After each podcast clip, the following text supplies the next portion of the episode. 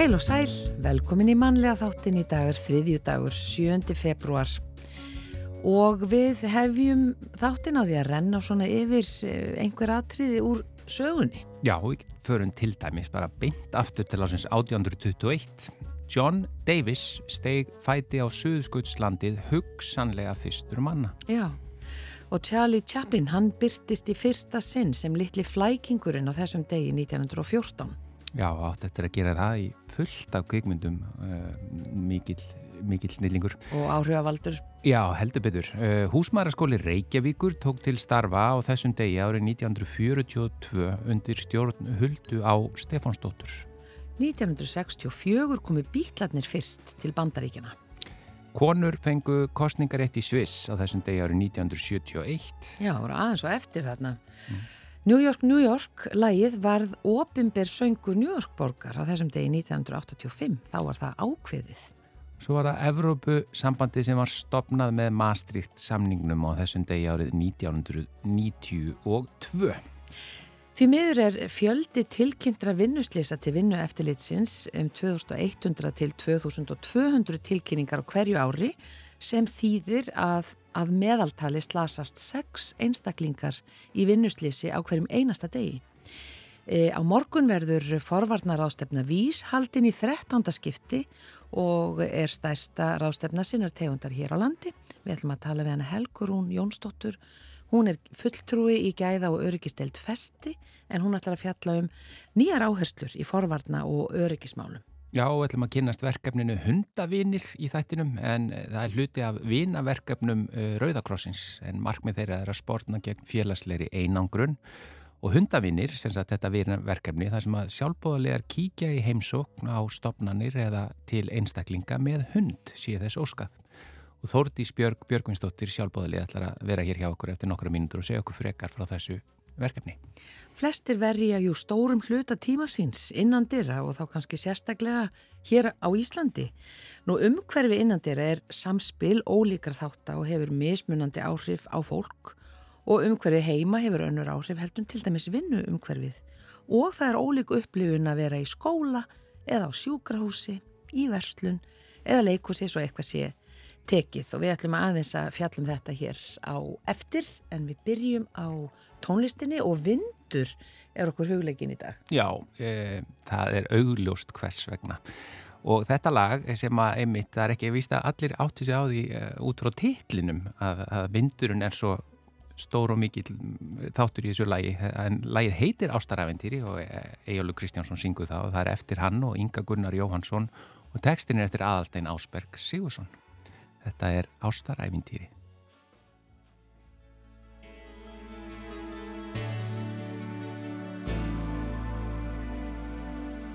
Þar sem fjarlæðin gerir fjöllin blá Ég finn þig ástinn mín Bak við lokaðar dyr með lás og slá Og læðist inn til þín Ég er æfintýra prinsinn Getur álögum þig leist þú veist.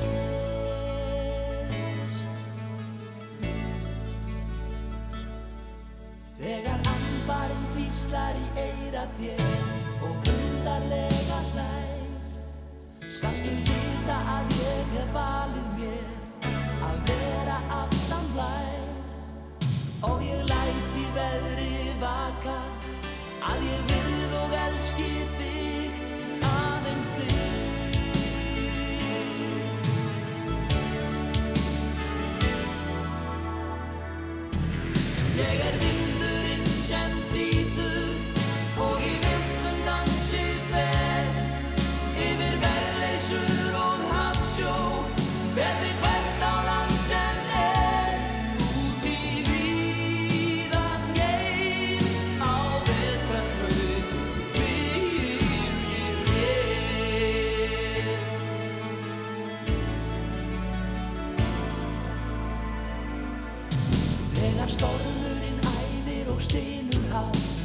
stjórnleysi og neyð. Er ég ringlaður finn ekki rétta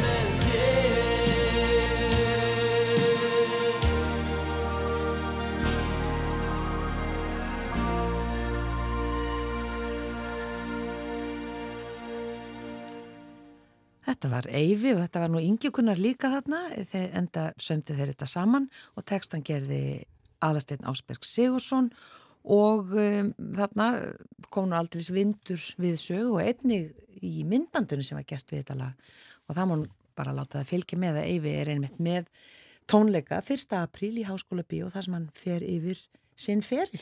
Allan verðum við vindvél. Pottjett. Já, það verður allavega vindvél alveg 100% í söngakefni sem við fer að byrja. Já. Þar verður að vera vindvél og uppækun í hverju lagi. Já, uh, En við ætlum aðeins að uh, forvitnast um uh, verkefni á vegum Rauða, Rauðakrossins Hundavinir. Hingaði komin Þórdís Björg, Björgvinsdóttir, sjálfbúðarliði, velkomin í manlega þattinn. Takk fyrir góðan daginn og takk fyrir að bjóða mér. Og þetta er sko, hundavinir, þetta er hluti af vinaverkefnum Rauðakrossins sem eru bara í örstutumáli er hvað? Já, það passar. Uh, vinaverkefni Rauðakrossins eru sem sagt við erum með gunguvinni og heimsóknarvinni og svo eru þarna líka símavinir og síðast en ekki síst hundavinnir. Já, og það, þarna er verið að reyna að hjálpa fólki þar að að rjúfa félagslega einangrun. Já, og reynur að hugsa að félagslega hilsu fólks, að það fái að vera í samskiptum við annað fólk og hunda Já. og hérna lífga upp á tilveruna og, og bara, hvað ætlaði að segja, minga þunglindi og kvíða og einmannalega. Já. Og við höfum einmitt fjallatalsvist um það í þættinum hérna, bara afleiðingar einangrunar, félagslegar einangrunar. En hvað, hérna, hvað er með hundana? Er það bara að því að það kemur strax bros á mig bara að það sé að koma hundar í heimsók? Hvernig gengur þetta fyrir sig? Herðu, þetta er sem sagt við förum bæði á stopnanir og til einstaklinga með hundana og það er sem sagt Er það reglulega sem það er Já, gerst? það er sem sagt, við fáum gestgjafanir okkar, er fólkið sem óskar eftir okkar þjónustu. Já. Það þannig að færi sem sagt heimsón einu sinni viku klukkutími senn og þá kemur hundur með eigandanum sínum Mm. sem hefur verið tekin út af okkur hjá Rauðakrossinum og á að vera svona þokkalega hlýðin og góður en fyrst og fremst að elska fólk og elska klapp. Já. Það er líkilatriðið. Þú getur ekki verið góður heimsónhundur nema að elska klapp. Já. Það er Og sækja í það og bara. sækja í það. Já. Já, Það Þann, er- þannig að þið eru þið með þá námskeið fyrir fólk sem að myndi vilja eh, bjóða fram hundin, hundin sinn og, og sjálft sig í, í svona, þar að segja að það er verið að meta hundana og þá eigundina kannski líka. Já, á hverju önn höldum við námskeið Já, allavega hérna á höfuborgarsvæðinu en við höfum líka verið fyrir norðan og Akureyri núna síðasta haust. Og þar er uh, hundurinn tekinn og hann fyrir gegnum svo kallar grunnhundamat þar sem við metum hundin hvort að hann sé hæfur, hvort að hann hundurinn hefði áhuga á að vera heimsónavinnur og hvort hann sé örugur að því að hundanir þurfa að vera örugir í alls konar aðstæðum. Þannig að það skiptir miklu máli að hundurinn bregðist rétt við áreiti. Mm. Mm. Hann sé ekki að fara sína tennur eða eitthvað þannig. já, Hann bara sé gladur og taki vel á móti fólki. Eftir það, ef hann stendst það, að þá fyrir eigandin svo á bóklegt námskeið og svo komur eigandin og hundurinn saman á verklegt námskeið. Og í kjölfarið fá þeir svo útlutað um geskjafa í samráði náttúrulega við verkefnastjórun okkar þannig að það er engum hend bara í djúbulauðina, þetta er allt mjög faglegt og, og gert í miklu samstarfi við verkefnastjóran við okkur hundavinnateimið, við sjálfbúðarlegan sjálfan og sjálfsögðu hundin. Þannig að við finnum uh, rétt verkefni fyrir alla og réttan geskjafa. Já. Þú, þú ert sem sagt e, í hundavina teiminu og þú ert mikil e, hundamanneskja. Segð okkur aðeins frá þínu, þínu hunda, hvað sem er, þínum hundaferli. Mínum hundaferli, heyrðu, ég er bara búin að vera í hundunum núna í 26 ár. Já, þó ég sé kannski ekki sérstaklega gömul en ég er búin að vera hundasjúk síðan ég fættist, er mér sagt. Og ég fekk fyrsta hundi minn þegar ég var 12 ára. Og í dag er ég sagt í þessu hundavinna teimi hjá Rauðakrossinum ég byrjaði sem heimsóknarvinnur hjá Rauðakrossinum 2009 og ég og Charlie, gamli hundurinn minn fórum á líknadeildina í nýju ár og svo er ég líka hundadómari já, Þannig að ég vinn sérst á hundasýningum við að dæma hunda og er líka mikið í því að skoða kvolpa sem er alveg indislegt. Já, En- en þú er nú aldrei, já, langa reynslu af því að vera svona sjálfbóðaliði með, með hund. Já, og þetta gefur svo ótrúlega mikið og hérna, og eins og segi, maður er kannski að gefa, jú, maður er að gefa tíman sinn, en, en það er hérna, að vera sjálfbóðaliði gefur manni svo gott í hjartað. Marst tilbaka. Já, margt tilbaka og bara styrkir sjálfsmyndina þína og, og hjálpar þér bara í lífinu, myndi ég segja. Já. Að geta hjálpað öðru fólki er bara kjarnin að því að vera manneski held ég. En að því að þú hefur verið að, þú hefur gert þetta líka ekki bara með hundum með það, heldur þú hefur verið í þessum vinaverkefnum eh, bara líka þú sjálf. Hver, hver er munurinn að fara með til dæmis hund í heimsók til fólks og að mæta sjálf? Það er, Það er svona mingar aðeins álægið á þig að vera með hundin. Þú ert ekki alveg þarna aðalatriðið í heimsókninni þegar þú mæti með hundin. mm Þannig að maður fellir svolítið í skuggan sem er gott. Þannig að það er mjög, mjög skemmtilegt og þarna, en þetta er alveg sama hvort þú ert með hund eða hvort þú ert í símavinnum eða gönguvinnum eða heimsóknarvinnum þá ertu að gefa gott af þér. Já, Og gestgjafanur okkar uh, koma bara, þeir eru öllum aldurshópum, öllum hotnum þjóðfélagsins og það er alltaf hægt að hafa sambandi Rauðakrossin og óska eftir því að fá heimsóknarvinn. já. Þannig að Og, Gest- það, og það er náttúrulega ekki þannig að þið mætið óvænt með hund. Þetta er bara fólk sem að fólk sem virkilega... að virkilega vill fá hund Já. þannig að, þannig að það er engin og við pössum, ég til dæmis legg mikla áherslu á það eins og í hópa heimsóknum að það er alveg til fólk sem er mjög hrætt við hunda Já, já, og maður þarf bara að sína því mikinn skilning og passa upp á það að þau séu ekki að upplöfa sig óörug í aðstæðunum Mhm. og hundanir hjá Rauðakrossinum þeir eru alltaf í bandi og eigandin er alltaf með fulla stjórn já. á sínum dýri. Það er mjög mikilvægt og við leggjum mikla áherslu á að það sé örugt umhverju bæði fyrir geskjafa, fyrir sjálfböðulega og fyrir hundin. mm.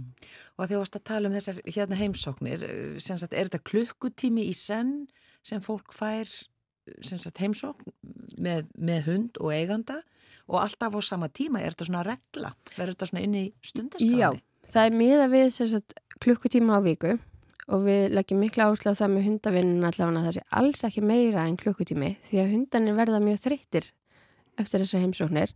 Þannig að ef þú ætlar að gera sjálfböðulegði að þá væri við að óska eftir klukkutíma á viku af þínum tíma. Já, og fólki sem fær þá í heimsókn, er það spennt og svona, já, undirbýrða heimsóknina og, Já, það er alveg, alveg ákveðnar seremoníur í kringum heim, margar heimsóknar og, og það er allir, allir tilbúinir og, og ég var til dæmis að heimsækja þarna dagdeldina og líknadeldinni og það voru alltaf allir kominir í setustofuna og, og tilbúinir að taka mót okkur. Og svo í lók heimsóknarinnar að, að þá fór ég og heimsótti þá sem voru rúmliggjandi nýttum svona restina tímanum í það þannig að það var alltaf svona ákveðin regla og rútina og, og það er þannig á, á fleiri stöðum. Og, og hundanir eru rosalega vinsælir. já, Og þannig að einu sinni enn bara fyrir fólk sem að jafnvel gæti vilja að fá svona heimsóknir, þá er það bara að hafa samband við Rauðakrossin. Já, sagt Rauðakrossin í, í Kóbói, Hafnafæjaraði og Garðabæ, Já. deildin þar, hún sagt uh, á þetta verkefni og þetta er svona kjarnaverkefni þeirra og það er bara að hafa samband við það. Hún heitir Karin, þarna verkefnistjórun okkar og hún sér um, hún Karin Björg, hún sér um okkur, sjálfbóðarleðana, bara hún er unga mamman okkar og hún sér um okkar sjálfbóðarleðana og, þarna, og geskjafana og sér um að passa, það passað upp á að para saman góða, góða aðila, þannig að upp á að, að fi- já, já, Að Já, að já. þetta púslist allt vel saman og Já. allir séu hamingisamir. Hva, hvað eru margir eh, svona hundavinir? Hörðu, við erum með 42 hundafinni sérst virka núna Já, og vonandi er að fara að bætast við fleiri viðbót. Við verðum með grunnhundamat núna í endamars þannig að það er bara að drífa sig ef að seppi er góður og elskar knús að drífa sig að skrá sig. Hver, hvernig hund er þú með? Herði ég með standard púdel, svo Já. stórar púdelir Já, og þannig og finnur á, er það, það tíka það ekki? jú. Finnur á henni að, að henni finnst þetta gaman? Já, og svo líka eitt sem er líka reynda skemmtilegt að nefna að allir hundanir sem eru sjálfbúðalegar hjá okkur, þeir fá svona rauðan klút og þeir fara sjálfur að fatta um leið og klúturinn kemur á þá Já, að hvað þeir eru að fara að gera.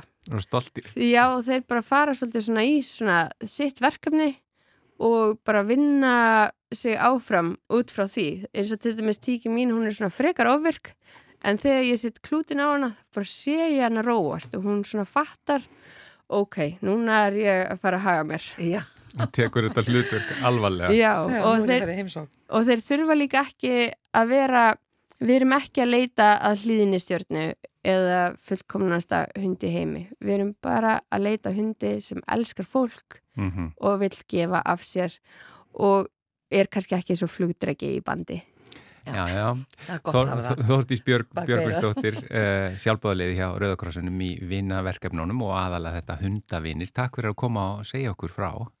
Og við byrjum að hilsa Nölu, hundinu þínu. Takk kærlega fyrir mig Og við ætlum að taka það því að við erum að spila aðeins tónlist hérna tengda vindi uh, í, í þættinum og áðan var það ástaræfintýri með Egilur Kristjánsinni. En nú ætlum við að heyra svolítið sérstætlag sem að, uh, heitir Napur vindur með hljómsveit sem kalla sig Úlfarnir.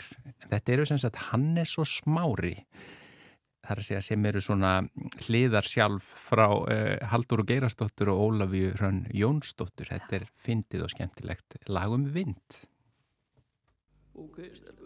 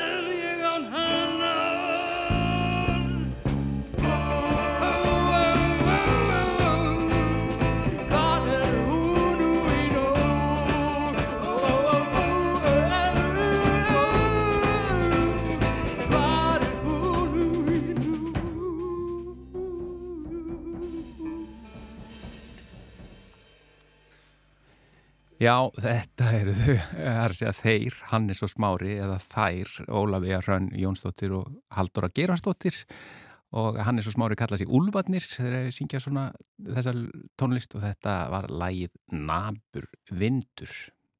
Því miður er fjöldi tilkynntra vinnuslýsa til vinnu eftirlitsins um 2100 til 2200 tilkynningar á hverju ári. Og það þýðir að meðaltali slasast sex einstaklingar í vinnuslýsi á hverjum einasta degi. Og auðvitað hefur þetta áhrif á mörg þúsund íslenskar fjölskyldur á einn eða annan hátt. Á morgun verður forvarnar ráðstefna vís haldinn í 13. skiptið og þetta er stærsta ráðstefna sinnar tegundar hér á landi og yfirskriftin að þessu sinni er hvernig mætum við því óvænta af öryggi. Og hún er komin ykkar Helga Rún Jónsdóttir sem er fulltrúi í gæða og öryggisteilt festi og Helga þú ætlar að tala um uh, nýjar leiðir í forvarna og öryggismálum. Já, Eh, en svona kannski bara fyrst festi, það er, Já. hvaða fyrirtæki eru þar? Undirfesti eru rekstrafjölögin Elko, Krónan, N1 og Bakkin og Bakkin er vöruhúsið okkar Já. og er, þetta er náttúrulega ólík fyrirtæki þrátt fyrir að við erum að veita þjónustu og selja vörur þá eru, og innan sko fyrirtækjana sjálfra geta líka verið mjög ólík störf eins og kjötpökkun hjá krónunni eða vera að fylla á og eins og í enn einum þá eru það bæði verið að dæla á bensíni en líka bílaþjónusta, verkstæði og annars líkt. Já. Þannig að við þurfum svolítið að passa aðla fræðslur og hérna passa upp á öryggi eftir því. Já, eru, já, svona öryggismál og gæða mál, svona eru þetta fyrirferðamiklir póstar já. hjá ykkur? Við erum með gríðalega öfluga gæða öryggistild hjá okkur og við erum öll fyrrum starfsmenn, elko en eins og krónar þannig að við erum með gríðalega mikla þekkingu á baki sem er mjög dýrmætt og vinnum bara hörðum höndum alla daga að því að hafa öryggi sem best og hafa því fyrirrumi á vinnustanum. Já, og svona um hvað snýst það að, að huga að öryggismálum, svona bara á vennilegum degi? Já, við erum bæðum að sinna uh, eftirlitum, innri eftirliti, það er áhættumat, skoða þjófnaðamál, annars líkt þetta gríðarlega umfangsmikið en í dag, núna í februar, erum við með öryggismánuð sem við höldum árkvert Já. og þá er bara allum mánuðurinn í, það eru bara fræðslur, við erum með svona spretti köllu við það, þá kemur einu sinni viku, erum við með sprett sem erum, núna er það öryggið sem er þá, þá erum við að útskýra hvað áhættum að þetta er, hvað öryggisverður og öryggistrúnaðamenn eru og hvernig ávirkja neyðarnappana eða ef það kemur rán, hvernig á að bregðast við og annars líkt. Já. Svo eru við að fara á stað með skyndihjálp uh, á morgun, Já. þannig að við erum svona með ímsa spretti og síðan ætlum við að hafa pubquiz í lokin og bingo sem eru þá spurningar úr þessum sprettum, þannig að við erum svona að vona með því að hafa einhverja svona skemmtanir Leiki, með, já. já, að fólk verður dugleira að fara og skoða fræðslunar sem eru bara á starfsmannappi hjá okkur.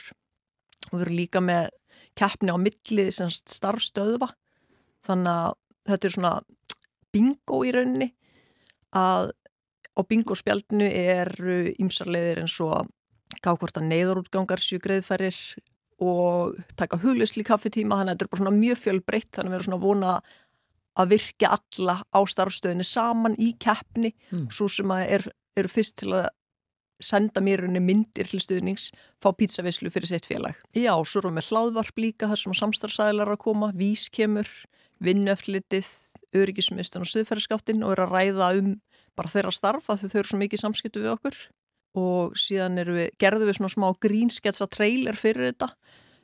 Þess vorum við að gera bara grínum hvað á ekki að gera og fengum starfsmenn til að leika og tókum upp á hverju einasta rekstrafélagi eitt atriði til þrjú. Þannig að það vætti mikla lukku. Það er svona að reyna að gera eitthvað aðeins öðruvísi til að vekja umhuga á, á öryggi og efla öryggisvitund af vinnustannum. Já, akkurat. Af því það skiptir gríðarlegu máli. Það getur verið ansi dýrt að, að, hérna, að gera það ekki. Já, og svo erum við bara með svo fjölbreyttan hóp. Við erum náttúrulega um 2100 manns að vinna þarna Já. og áhuga svið hjá fólki er náttúrulega bara misjámt og við þurfum að mæta einstaklingum þar sem eru stattir. Þannig að við erum að pröfa ímsar fjölbreytta leiðir til að geta skoða svo bara hva, hvað virkar. Já. Eru, ég vinnuslýs, ég algeng hjá ykkur? Þau eru sem betur fyrir ekki algeng. Við erum með mjög mikið að góðum reglum og starfsmenn eru að fara eftir þeim. Þannig að sem betur fyrir, en eitt slís er einu slís svo mikið, en við leggjum upp með að, að fólk fara eftir reglum og sem betur fyrir er vinnustæða menningin slík og fólk er að fara eftir reglum hjá okkur. Já, akkurat. Þannig að þetta eru svona þessar nýju leiðir sem þið eru að, að eða svona þessar nýju áherslur í örgismálum er að svona gera þetta skemmtilega fræðslu. Já, í rauninni. Það er svona það sem við ætlum að reyna að pröfa að gera núna. Þannig að við viljum að fólk sé bara spennt, ok, hvað verður næst í februar?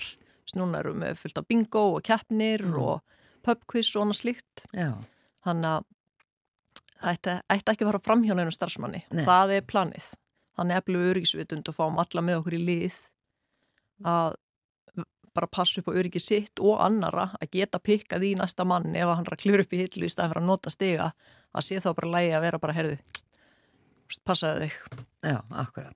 Og, og þú ert að tala á þessari rástefni og segja frá þau ykkar leiðum, Já. eh, en er, er þið í, í þínu fyrirtæki á festi, eru þið í sambandi við önnur fyrirtæki að kynna eitthvað hvernig þau eru að gera þetta eða eh, hvernig, hvernig gerir þið svo leiðis? Sko við höfum ekki verið mikið að því en á þessari ráðstöfnu er náttúrulega frábært að geta sé hvað aðra að gera og dilt reynslu, mm frábæra vettvangur fyrir alla sem eru í þessum geira og að koma á saman og ræða um öryggismál og forvarnir að þetta er náttúrulega gríðarlega mikilvægt á öllum vinnustöðum hvort sem þú ert einn að vinna eða þrjúðúst. Mm -hmm. Já, akkurat. Og þetta er eh, á morgun og Já. það hérna bara hvetjum þá sem hafa áhuga til þess að hérna sækja þessar ástefni. Þetta er forvarnar ástefna vís og þarna má heyra einmitt ímis erindi og um það hvað eh, svona alls konar fyrirtæki eru að, að gera og leggja áherslu á og uh, rástefnan er haldin í 13. skipti og Helgarún Jónsdóttir uh, þú ætlar að flytja þarna uh, erindi líka, þú ert Mhm. fulltrúi í gæða og öryggisteild festi, takk fyrir komin að hinga það Já, takk fyrir.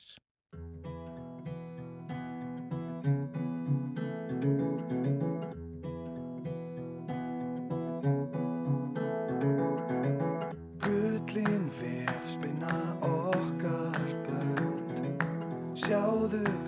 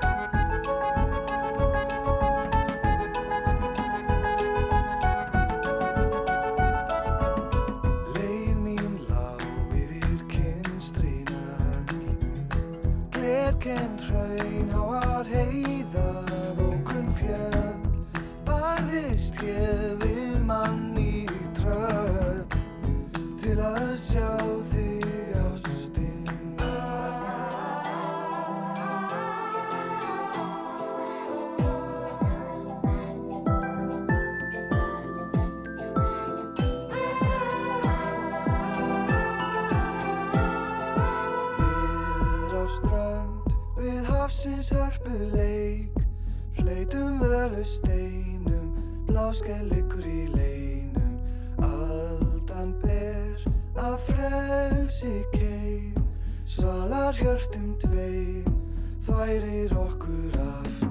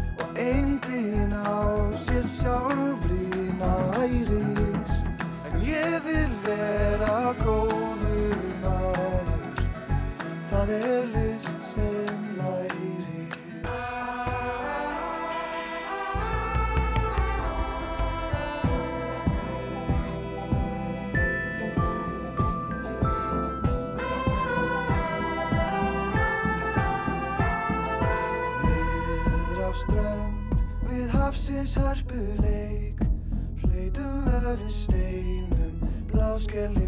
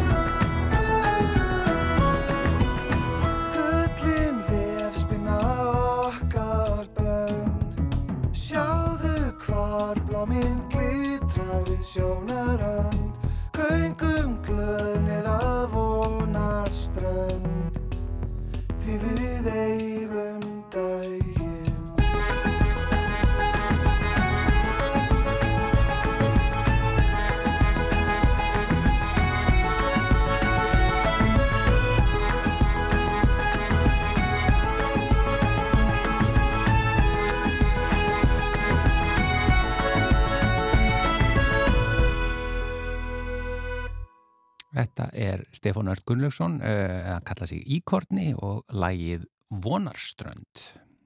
Já, flestir verja stórum hluta tíma síns innandira og kannski alveg sérstaklega á þessum ástíma. En umhverfi innandira er jú samspil ólíkra þáttar og hefur mismunandi áhrif á fólk.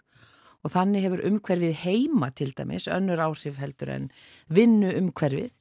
Og það er ólík upplifun að vera í skóla eða á sjúkrahúsi, uh, í verslun eða leikhúsi og svona getur við haldið áfram. En við erum komin hér með eh, doktor í umhverfi sálfræði frá háskólanum í Sydney og það er hann Páll Jakob Lindahl, sérfræðingur í mati á sálfræðilegum áhrifum umhverfis á heilsu og velíðan, hvort sem um er að ræða náttúru eða byggt umhverfi. Velkomin til okkar. Takk fyrir. Þú er eiginlega kannski bara að segja okkur að svona, hver, er, hver er grunnurinn í umhverfi sálfræði? Já, umhverfi sálfræðin, hún snýst í stórum, mjög stórum dráttum um sagt, þetta samspil millir fólks og umhverfis. Hvernig umhverfið hefur áhrif á okkur og, og hvernig við höfum áhrif á umhverfið. Þannig að þetta er svona, þetta er svona megin, megin þemaði í, í umhverfi sálfræðinni. Já. Og, og hérna, og auðvitað náttúrulega við erum alltaf stödd í umhverfi, þannig, þannig að hérna, að þetta er mjög svona relevant uh, viðfánsefni Mm. og ætti náttúrulega að vera að skoða miklu nánar og miklu meira heldur en gert er. Já, ég ætlaði um að segja það, er þetta ekki svolítið mikið bara verið ekki að spá í þetta víða? Jú, það er, það er allt og mikið um það. Um, auðvitað er við að hanna og móta umhverfi þar sem að við erum náttúrulega með fagfólk í því sem að auðvitað náttúrulega er meðvitað um þetta. En það sem ég hef verið að tala fyrir núna, já það er nú komin hátt í 20 ár sem er búin að tala fyrir því að taka inn sagt, þetta hennar sálfræðilega vingil uh, með vísindalegum hætti. Að við séum að, séum að taka þetta föstum tökum við sem að byggja á rannsóknum og kenningum og, og, og nýta okkur þá þekkingu sem hefur nú þegar skapast innan fræðana og velta því inn í hönnunar og skipularsferla þannig að við séum að búa til mannvætna, heilbreyðara og sjálfbærara umhverfi. Mm. Svona á hvað stigi myndu þið vilja koma inn? Sko ég segi alltaf, í, hérna svar mitt við þessari spurningu er alltaf það, við viljum koma inn bara strax í byrjun. Þegar strax og vaknar upp hugmynd um að hanna skipulegja móta umhverfið með einhverjum hætti, þar sem að fólk á að vera hérna, partur af þeirri hérna, hugmynd, þá á sálfærna að koma strax inn. Hún, hún á bara að koma inn í forsendunar að því að það getur verið svo mikið sko vendipunktur, hvernig við bara förum inn í verkefnin. Ef að sálfræðin er þarna með Mm. fær sitt rými auðvitað, hún, þarf ekki að yfirtaka allt sviðið en hún þarf sitt rými. Því að eins og ég sagði ég meina í, í flestum tilvikum þá eru við að skipulegja og hanna fyrir fólk. Og það er í rauninni algjörlega absúrt hugmynd í mínum huga að sleppa þá, að sleppu bara þeim fræðum sem að fjalla um það Hvernig fólki líður? Já, hvernig fólki líður, hvernig þetta samspil er, hvernig fólk haga sér og, og, og, og framöttu göttunum. Þannig að En þurfið þið að hafa eh, mikið fyrir því að fá að koma inn í þessi ferli eða er, er orðið meiri opnun fyrir það? Nei, það þarf að hafa mjög mikið fyrir þessu. Það er virkilega mikið sem þarf að hafa fyrir því og partur er af því að umhverju sálfræðin hefur svolítið læst með veggjum daldi lengi að því þetta eru faktist sko ekkit endilega svo ný fræði. Ég meina það, það þekki allir vinnusálfræði, það þekki allir íþróttasálfræði eða flestir. Já. En umhverfi sálfræði, þá hor, hor, fólk horfið bara í hugun á mér og heldur í sér stundum bara galin og þetta var nú sérstaklega þegar ég var að byrja hérna svona 2006-07 þá horfið fólk bara í hugun á mér og bara hvað ertu í alvörun að gera, Páll? Veist.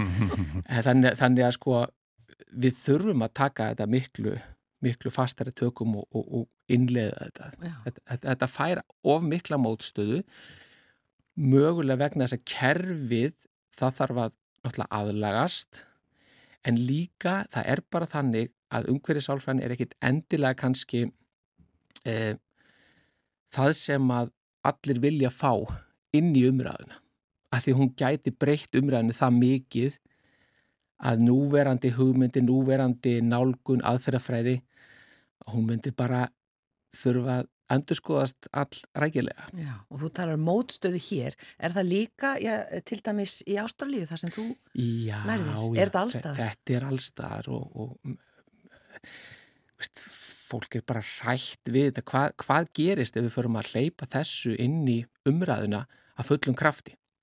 Veist, þann, þannig að sko meina, við vitum hvað við höfum núna. En hvað gerir, og það er alveg að virka skilir, við, það eru húsa rýsa og borgir að byggja skilir þannig að það er að virka í prinsipinu en hvað gerist ef, ef við förum að hleypa hinnu munir þetta þá hægt að virka eða, það, það er alls konar svona spurning aukin, aukin kostnaður kannski sem fólk er hægt við, er það það? Nei, já, já, það kemur alltaf upp í umræðinu en það er ekkit aukin kostnaður sko veist, að, þegar við, sko þegar öllur botnum kvólt sko er þá aukinn kostnar að búa til betra umhverfi? Uh, ég segi nei það hlýtur að vera samfélagin í hag að búa til gott umhverfi að við búum okkur til gott umhverfi mm. En hvernig þú sem umhverfisálfræðingur tökum sem dæmi hérna ef að þú ert fenginn til að koma að einhverju stóru verkefni að vera að fara að byggja upp, ég veit ekki hverfi eða, eða stóra stopnun eða, eða sapni eða eitthvað svo leis mm. hvernig kemur þú þá að því og hvað ert þú að benda á og hvað eru svona þessi hluti sem að hafa byrja í huga og ert þú kannski að fara inn á stopnarnir sem hafa verið byggðar án umhverfisálfræðings og bara að þetta hefði þetta Sko, já, ég, ég hef gert það. Já. Ég hef tekið líka tillögur sem hafa verið lagðar fram og mér er sérstaklega minnist það tillega sem ég var beðnum að rína varandi skólahúsnaði í, í, hérna, á höfuborgarsvæðinu sem hafið bara, sem hafið náð góðum framgangi í, í samkeppni og þá voru hugmyndur um að nýta þá tillögu og ég, ég var beðnum að rína það með tilliti til minnar hérna, sér þekkingar og það endaði bara því að þegar ég, ég ítti sagt, tekningunni yfir borðið til, til þess sem var að taka ákvarðanir og segja ok, þetta eru mínar aðtóðsamdir og það var svo það var svo stert moment þegar hann tók hann lagði hendin hún á bladið las aðeins yfir og, sagði, og ítti svo til þess að ok þetta fer þá bara beint í ruslið það var bara alveg þannig sko. og þetta fannst mér svona ok, við þurfum að gera þessa hluti öðruvísi. Við, mm. get, við getum ekki haldið áfram. Og það er það sem að ég, mín aðkoma að svona er að, að komin í fórsendur þá getum að komið inn með alls konar sálfræðilega vingla og maður getur byggt að á kenningum maður getur byggt á niðurstöðum uh, maður getur síðan spurt hvort að það fari saman þær hugmyndir sem að menn, menn segja ok, við ætlum að byggja þetta hérna, mannvænt og heilbritt umhverfi. Og svo kannski koma einhverjar hugmyndir sem er þá kannski bara á frumstígi að því hvernig það á að byggja upp. Og þá getur maður að farið að bóra það saman og að er þessi hugmynd sem þið eru með, er hún raunverulega að styðja það, þá enda niðurstöðu sem að þið eruð að sækjast eftir sem er þá mannvænt og heilbritt umhverfi fer þetta saman mm. og þannig getur maður alltaf verið að spyrja e, þessara spurninga í gegnum allt ferlið tekið með auðvitað mismunandi nálganir, eh, komið inn með rannsóknir, afturkenningar og slíkt. E, það er líka hægt að leita svara þannig að maður eins og ég hef gert talsverst af það er það að, að, að setja til dæmis hugmyndur upp í þrývít og gera rannsóknir í þrývít og, síndarveruleika og láta fólk upplifa þetta Já. og sjá þetta fyrir sér eh, hinn almenna borgara til dæmis frá þeim, þeim sjónarhornum sem að við upplifum umhverfu okkar. Því ef við hugsaum um það hvernig er verið að kynna hugmyndir fyrir okkur? Jú, það er yfirlega alltaf tekið úr lofti og, og kannski úr já, segjum 100 metra hæð, 200 metra hæð, eitthvað, hvað sem það sem nákvæmlega er, sko. Þannig að við erum alltaf, við erum að horfa á þetta eins og við séum fuglar eða við séum í flugvél og ég spyr oft fólk að því, sko, hvað eigðir þú löngum eða miklum af þínum tíma í flugvél? Og hinn almenni borgari er ekkit að eigða neitt mikl, miklum tíma í þannig, sagt, í, í, í, í því umhverfi. Nei, því sjónarhórni. Nei, því sjónarhórni. Þannig að það er miklu nærtakara að við tökum þetta bara nýra á jörðina og við skoðum þetta frá því sjónarótni Mm. bara eins og við erum eins og ég segja að erum að upplifa okkar umhverfi Mm. og þar kemur þrývind og síndavelikir svo stert inn að því að þar fáum við svona gagvirt umhverfi sem gefur óbúrslega sterka um, upplifun Já, og rannsóknir hafa sínt að er sambærilegt við okkar upplifun já. í okkar raun heimi.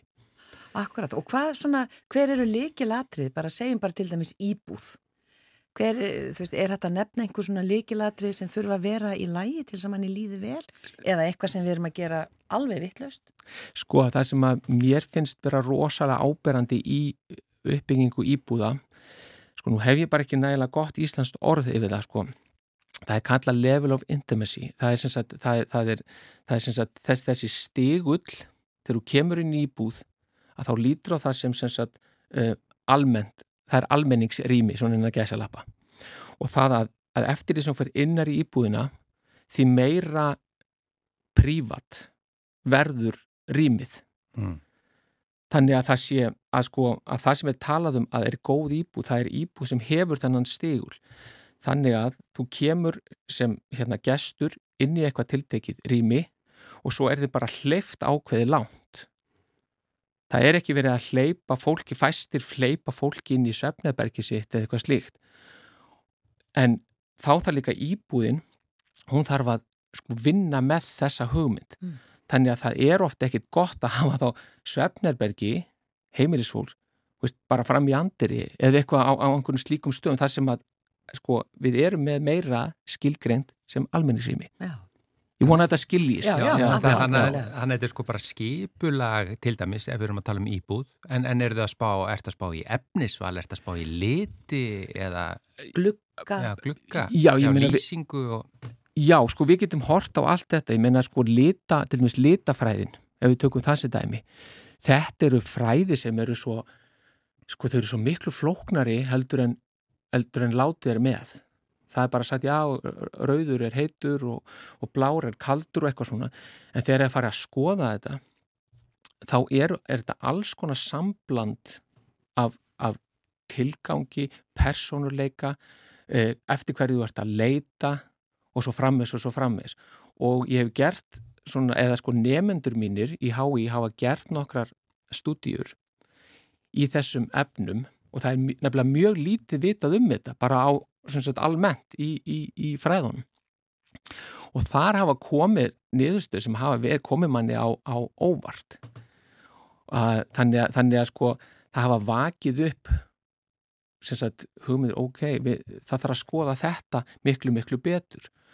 Og sem dæmi var rannsók sem var gerð sagt, í spítala umhverfi sem síndi það, þá var, var verið að prófa sagt appisinnugulan veg, hvítan veg og grænan veg og það er alltaf sagt grænni róandi og, og, og heilandi en þegar þetta var skoðað þá var ekkit, þá kom engin munur fram hjá, hjá, hjá þáttakandum Mm. í því hvernig þeir upplöðu þetta. Já.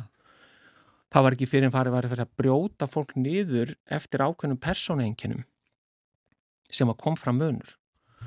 Og þá var það eftir hvernig fólk skannar umhverfið sitt. Þannig að þeir sem voru uh, fljótir að skanna það það hefði meiri áhrif á eða hefði minni áhrif á þá heldur en þá sem voru lengi að skanna umhverfið sitt. Og þetta eru bara persóneinkinni sem að hérna eru, eru, veist, eru þá að stýra upplifun okkar. Og svona getum við haldið áfram, veist, áfram veist, bara lengi, lengi. Með alls konar svona, svona twist and tweak þetta er nú ekki mjög góð íslenska hjá mér endar já, alls En það er konar svona- svona litlum breytingum. Já, já, þetta er svona alls konar litli hlutir sem, sem, að, sem að þurfa hérna, sem við þurfum að taka tillit til. Mm. og, og það er hættulegt þegar við förum að alhæfa um of um þess, þetta samspil. Vegna þess að við, við vitum já, mikið en það er eiginlega miklu, miklu meira sem við vitum ekki. Já. Uh, svona fyrir þá sem vilja læra meira um umhverfi sálfræði, þá ert þú með hérna námskeið? Í apríl, já, svona, já, svo við endum að því að, að segja frá því.